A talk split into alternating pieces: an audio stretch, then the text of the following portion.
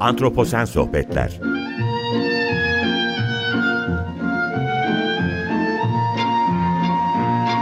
Hazırlayan ve sunan Utku Perktaş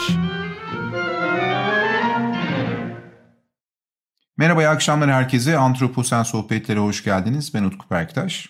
Bu hafta doğa tarihi çatısı altında iki hafta önce hazırladığım programdaki konuya devam etmek istiyorum. Şehirleşmenin yoğun yaşandığı bu çağda biyoçeşitlik algımız nasıl şekilleniyor? Bu soruyu yanıtlamaya başlamıştım iki hafta önce.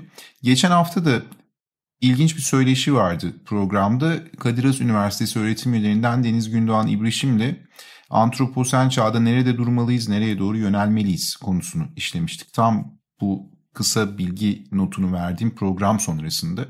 Dolayısıyla bu söyleşiyi de sizlere bir kez daha hatırlatmış olayım. İlginizi çekebileceğini düşünüyorum. Diğer söyleşilerimiz gibi ilginç bir söyleşiydi. Şimdi bu hafta da e, doğa tarihi çatısı altında dediğim gibi iki hafta önceki konuya devam edeceğim.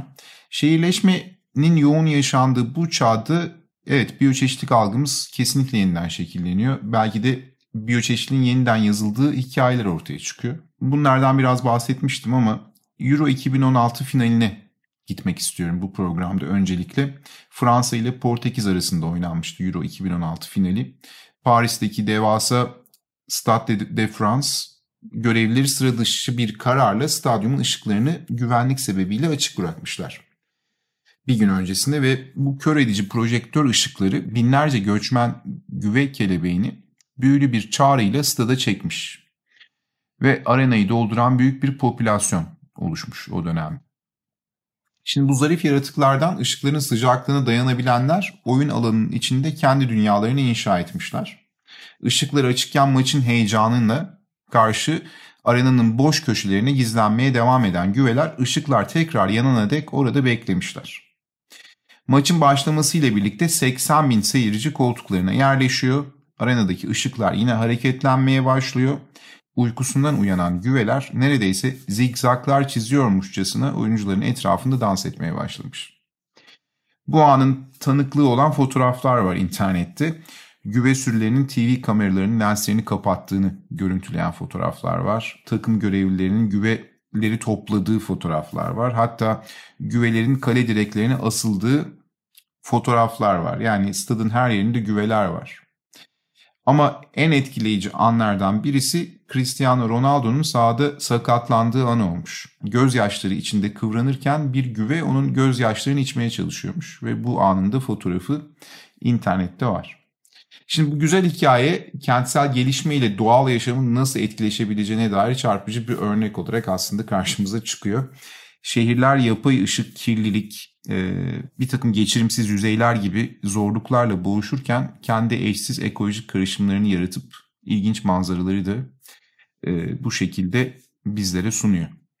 Şimdi bu e, programda biraz kara tavuklara değinmeye çalışacağım. Latince ismi Turdus merula ve Beatles'ın şarkılarından bir tanesine de konu olmuş bir kuş türü kara tavuk ve ülkemizde de yaygın olarak görülen türlerden bir tanesi. Dolayısıyla bu söyleşide aslında odağımız bu noktadan sonra kara tavukları olacak. Çünkü bu tür dediğim gibi İstanbul, Ankara ve İzmir gibi şehirlerin park ve bahçelerinde karşımıza çıkan ilginç kuş türlerinden birini temsil ediyor. Aynı zamanda ülkemizin henüz şehirleşmenin etkisine maruz kalmamış kırsal bölgelerinde de sıklıkla rastlanan bir kuş türü. Bilimsel araştırmalar şehir içi ve kırsal alanlardaki karı tavuk popülasyonlarının kısa bir süre içerisinde belirgin bir şekilde farklılaştığını gözler önüne sermiş.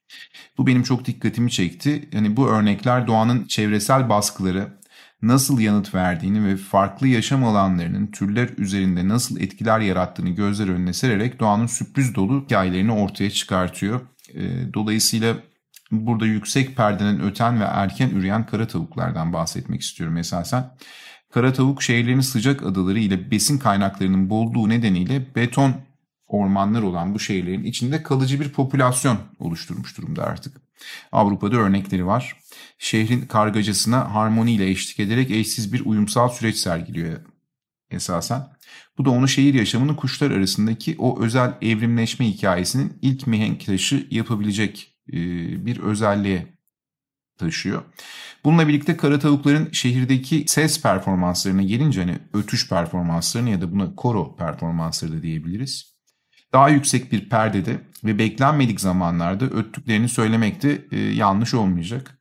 Aynı zamanda kırsal bölgelerdeki akrabalarına nazaran daha erken dönemde yuvalarına merhaba diyorlar buradaki türler, şehirlerdekiler. Popülasyonlar diyeyim, türler demeyeyim. Kent ve kır yaşamları arasındaki bu doğal farklılıklar kuşların türdeşleri arasında şekillenen o özgün rollere yön veren bir durum ortaya koyuyor. Şimdi bu tamamen farklı ritmin perdesini biraz daha aralayalım bu programda. Beatles'tan bahsetmiştim. Beatles'ın ünlü Blackbird şarkısına ilham veren tür bu tür. Artık gerçek bir hikayeye dönüşüyor esasında bu şarkı. Çünkü şarkının dizelerinde geçen gece biterken şarkı söyleyen kara tavuk ifadesi şehir yaşamının içinde kara tavukların gece vakitlerinde de ötmesiyle hayat buluyor artık. Kara tavuklar şehirlerde kışlamaya başlamış durumda. Ee, birkaç kış ziyaretçisi bahar için buralarda kalıp birbirleriyle üremeye başlamışlar ve nihayetinde göç etmeyi tamamen bırakmışlar ve ormanı terk ederek yerleşik şehir kuşu olarak anılmaya başlamışlar artık. Ülkemizde de bu durum geçerli olabilir. Bunu ilk fark edenler arasında yer alan ekologlar ve kuş gözlemcileri Avrupa'da yıllar içinde kara tavukların göç etmeyi unutmuş olduğunu, bıraktığını, ormanın sessizliğini terk edip yerleşik birer şehirlik kuşa dönüştüğünü gözlemlemiş durumdalar ve bunu da raporlamış durumdalar. Artık hani bilimsel anlamda da ortaya konmuş bir gerçek. Şimdi bilgileri toplamak ise oldukça basit esasında çünkü bu evrimsel dönüşümün ipuçları kuşların şarkılarında, tüy renklerinde ve davranışlarında bariz bir şekilde sergilenir durumda. Ancak gerçekten anlamak için bu yeni nesil kentsel kara tavukların atalarından nasıl ayrıştığını öğrenmek üzere şehirli kuşları gözlemleyen araştırmaları biraz odaklanmamız gerek. Kent yaşamı kuşların hızla şekil değiştiren evrim yolculuğuna yön veriyor durumda. Aslında programın başında sorduğum sorunun cevabını yine bu şekilde verebiliyorum. Araştırma ekiplerinin belirttiği gibi şehirli kara tavuklar yeni bir türe mi dönüşüyor acaba ve bu gerçek bir türleşme örneğini mi işaret ediyor? Tabi bu da ayrı bir soru ama şehirlerin doğal yaşama etkisini anlamak açısından da önemli. Şimdi artık Beatles haklıydı. Kara tavuklar gece de ötüyorlardı. Çünkü Avrupa ve Kuzey Afrika'da şehir kara tavuklarının orman kara tavuklarından daha kısa, daha sert gagaları olduğu bulundu. Bu durum insan elinin kuş türlerindeki morfolojik değişimlere etkisi şeklinde algılanabiliyor. Şehirli kara tavukların sesi de farklıydı artık. Şehrin gürültüsü kara tavukların o ses çıkaran, öten bireylerinin ses perdelerini ve frekanslarını değiştirmeye zorlamış gibi görünüyor. Hollandalı araştırmacıların yaklaşık 3000 e, kara tavuk ötüşünü, şarkısını kaydettikten sonra öğrendiklerine göre şehir kara tavuklarının ortaya çıkardığı o ses harmonisi orman harmonisinden daha yüksek perdede icra ediliyor. Bir Alman araştırma ekibi Beatles'ın esasen Paul McCartney'nin önceden söylediği gibi şehir kara tavuklarının gecenin köründe şarkı söylediğini de gecenin ortasında şarkı söylediğini de keşfetmiş durumda. Kara tavuklar Leipzig şehir merkezinde gün doğumundan tam 3 saat önce tramvay ve arabaların gürültü oluşturmaya başlamasından çok önce ötmeye başlıyorlarmış. Orman kara tavukları ise gagalarını sadece şafak vakti açan e, bir popülasyonu e, isim, isim geliyorlar, gösteriyorlar. Dolayısıyla yoğun şehirleşme biyoçeşitlik algımızı kesinlikle değiştiriyor. Kentlerin dokusu aslında kökten değişiyor. Çevreyi ve ekosistemleri ciddi şekilde dönüştürüyoruz. Bu durum genellikle olumlu bir tablo çizmiyor. Ancak bu söyleşi serisiyle beraber yani bu program serisiyle beraber bir önceki programı da hatırlatmak istiyorum bu konuda konuştum. İlginç örnekler var ve bu değişimin altında yatan gerçekleri daha çarpıcı şekilde gözlemliyoruz artık. Hani şehir yaşamının nasıl biyoçeşitliliği etkilediği konusunda e, ve bunların tamamı göz açıp kapayıncaya kadar oluyor. Evrimin hızlı seyrettiği yerler olarak karşımıza çıkıyor şehir ortamları.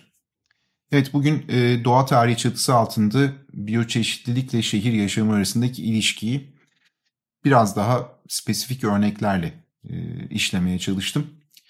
Çok teşekkür ediyorum. Önümüzdeki hafta Antroposen sohbetlerde buluşmak üzere. İyi akşamlar diliyorum.